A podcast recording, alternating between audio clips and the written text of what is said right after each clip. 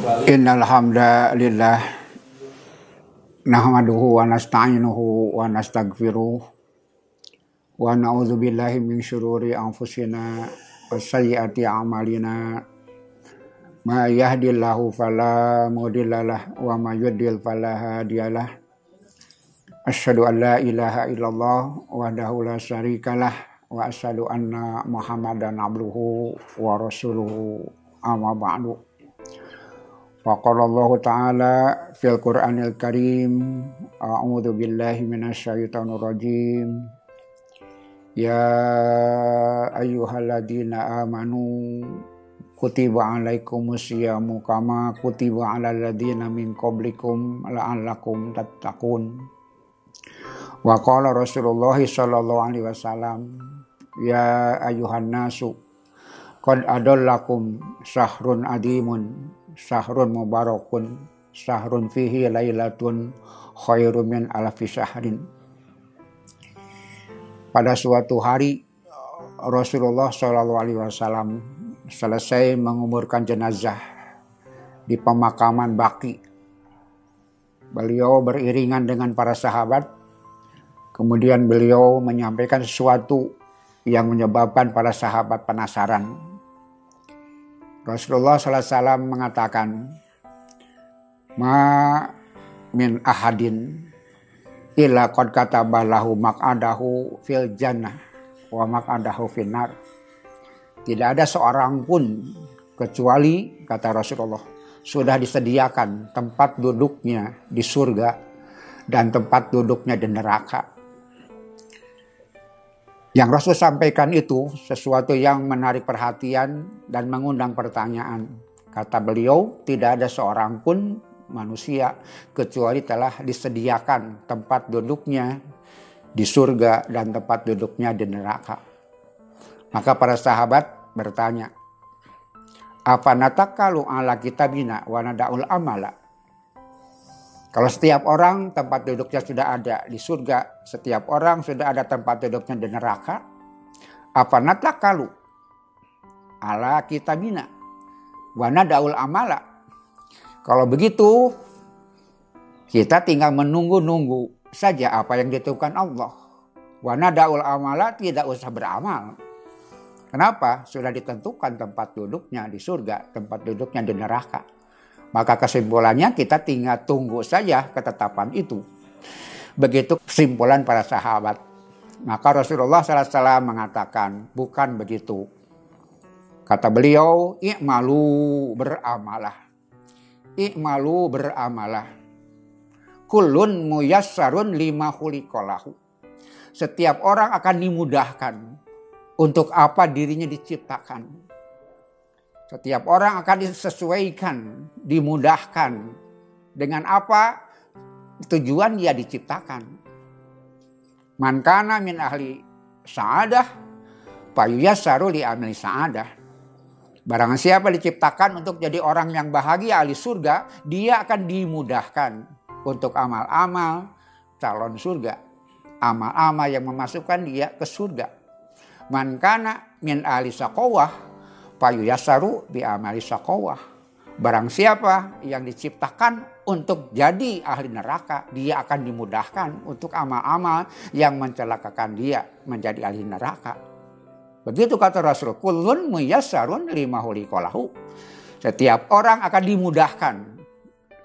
Untuk apa dia diciptakan? Apakah dia ahli surga akan dimudahkan dengan amal-amal surga Barang siapa ahli neraka akan dimudahkan dengan amal-amal ahli neraka. Karena itu barangkali kita dapat bisa menyimpulkan setiap orang sudah bisa menerasakan dirinya. Sudah bisa menghitung dirinya, memprediksi dirinya. Apakah dia ahli surga, apakah dia ahli neraka. Kalau dia betah di dalam amal-amal ahli surga, dia nyaman dalam amal-amal ahli surga, berarti dia ahli surga. Barang siapa yang nyaman di amal-amal neraka dalam amal-amal yang akan membawa ke neraka, dia ahli neraka. Sudah ada tandanya, sudah ada indikatornya. Apakah begitu? Persis seperti itu. Bahwa kita semua sudah ada indikator apakah kita ahli surga, ahli neraka. Saya kira itu belum selesai. Kenapa? Apa yang dimaksud dengan dimudahkan? Apa yang dimaksud dengan dientengkan, disesuaikan? Orang ahli surga dientengkan, dimudahkan dengan amal-amal surga. Dia nyaman dalam amal ahli surga. Orang-orang ahli neraka akan dinyamankan dalam amalan ahli neraka. Berarti setiap orang kita bisa merasakan hal itu. Menunggu-nunggu itu. Tentu bukan seperti itu.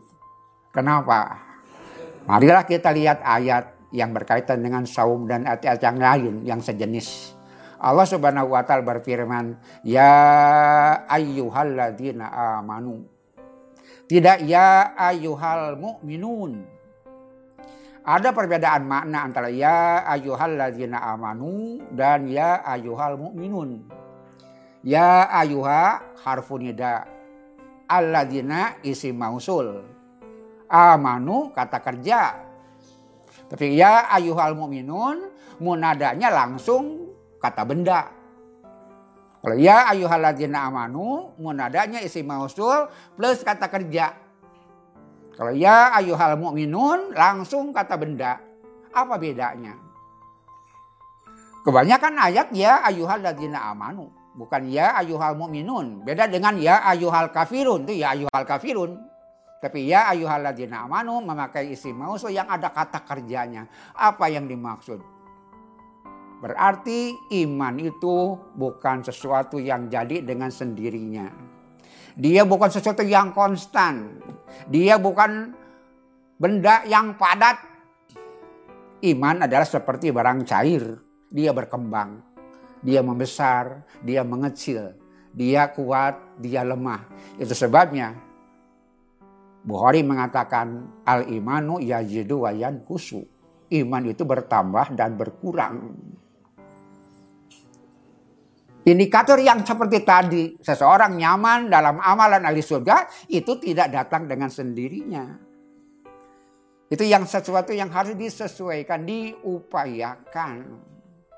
Apa yang dimaksud ya yang kusu iman bertambah dan berkurang bukan rukun imannya, tapi tenaganya. Ketika seseorang tertarik dengan kebaikan, dia nyaman dengan kebaikan, berarti imannya sedang kuat. Ketika orang sudah tidak tertarik dengan kebaikan, sudah tidak nyaman di dalam amal-amal ahli surga, berarti dia sedang lemah imannya. Itu sebabnya apa tujuan saum? Tajdidul iman wa taqwiyatuhu. Tujuan saum adalah menguatkan iman dan membaharukan iman supaya imannya jadi kuat apa bukti iman kuat? Dia nyaman di dalam amal-amal ahli surga. Itu tidak datang dengan sendirinya. Maka datangnya bulan Ramadan, marilah kita sambut sebagai suatu kesempatan kita meningkatkan keimanan kita. Kita merasakan kenyamanan di dalam beribadah kepada Allah, kenyamanan di dalam taat kepada Allah, kenyamanan di dalam ketakwaan amalan-amalan ahli surga. Marilah kita sambut Ramadan dengan semangat untuk membuktikan keimanan kita dalam ketertarikan kepada amalan-amalan yang membawa kita ke surga, amalan-amalan yang diperintahkan Allah Subhanahu wa taala. Dan itu tidak datang dengan sendirinya, harus muncul dari dalam. Maka sambutlah Ramadan dengan semangat. Sambutlah Ramadan dengan antusias Sambutlah Ramadan sebagai sesuatu yang akan menyamankan kita, membahagiakan kita. Tapi itu tidak datang begitu saja. Harus ada upaya dari dalam. Marhaban ya Ramadan, selamat datang Ramadan. Dari mana lahirnya? Bukan diucapan, dari hati kita. Dan itu tidak datang dengan sendirinya. Bagaimana orang menghadapi bulan Ramadan? Apakah dia terima dengan senang hati? Apakah dia terima dengan bahagia? Ataukah dia merasa sebagai satu beban? Itu masalahnya. Ada orang menghadapi Ramadan merasa menghadapi beban. Ada orang menghadapi Ramadan dengan penuh kecintaan, penuh harapan. Kenapa? Karena pada keyakinan kepada sabda Rasulullah Shallallahu Alaihi Wasallam. Kata beliau, "Qad adallakum telah menaungi kalian sahrun adimun bulan yang mulia sahrun mubarakun bulan yang penuh dengan berkah. Sahrun fihi lailatun khairum min alfi syahrin. Pada bulan Ramadan itu ada satu malam yang lebih baik daripada seribu bulan. Itulah harapan kita. Itulah yang kita inginkan. Kenyamanan di dalam beribadah. Keridoan kita mengikuti hukum-hukum Allah Subhanahu wa taala. Dari mana kita awali? Dari ketika menjelang Ramadan. Sabutlah Ramadan dengan senang hati sebagai bagian kasih sayang Allah Subhanahu wa taala. Kita akan mendapatkan ribuan kebaikan. Kita akan mendapatkan segala macam yang kita harapkan. Bahkan mudah-mudahan problem yang sedang kita hadapi sebagai manusia sebagai bangsa, sebagai masyarakat. Kita dalam situasi yang tidak nyaman, kita sedang dikangkangi oleh kesulitan, perekonomian yang menurun, kesehatan yang semakin mengkhawatirkan, kematian yang semakin banyak. Mudah-mudahan Ramadan kita harapkan bisa menjadi solusi bisa menjadi jalan keluar dari segala yang apa kita yang kita hadapi. Tapi syaratnya adalah terimalah dengan senang hati kedatangan Ramadan seperti di dalam bahasa Arab marhaban selamat datang Ramadan harapanku. Untuk mengucapkan itu itu adalah ukuran iman dan tidak imannya kita. Berapa tinggi rendahnya keimanan kita sekalian. Bagaimana kita bersikap menghadapi Ramadan. Selamat datang Ramadan sebagai bagian harapan yang mudah-mudahan menjadi cara Allah menyelamatkan kita semua. Baik sebagai orang perorangan ataupun sebagai masyarakat dan bangsa. Bahkan sebagai komunitas kemanusiaan yang pada saat ini sedang dihantui oleh kepanikan, dihantui oleh kekhawatiran. Selamat menghadapi Ramadan. Mudah-mudahan kita bisa menyamankan hati, menerima dengan harapan rasa cinta Allah Subhanahu wa taala lewat datangnya bulan Ramadan dan dengan itu mudah-mudahan kita akan menerima segala perintah Allah dengan tulus ikhlas dengan keriduan karena itu adalah bagian dari kasih sayang Allah Subhanahu wa taala. Rabbana atina fid dunya hasanah wa fil akhirati hasanah wa qina adzabannar. Aku qouli hadza wa astaghfirullah li wa lakum wa afu minkum. Wassalamualaikum warahmatullahi wabarakatuh.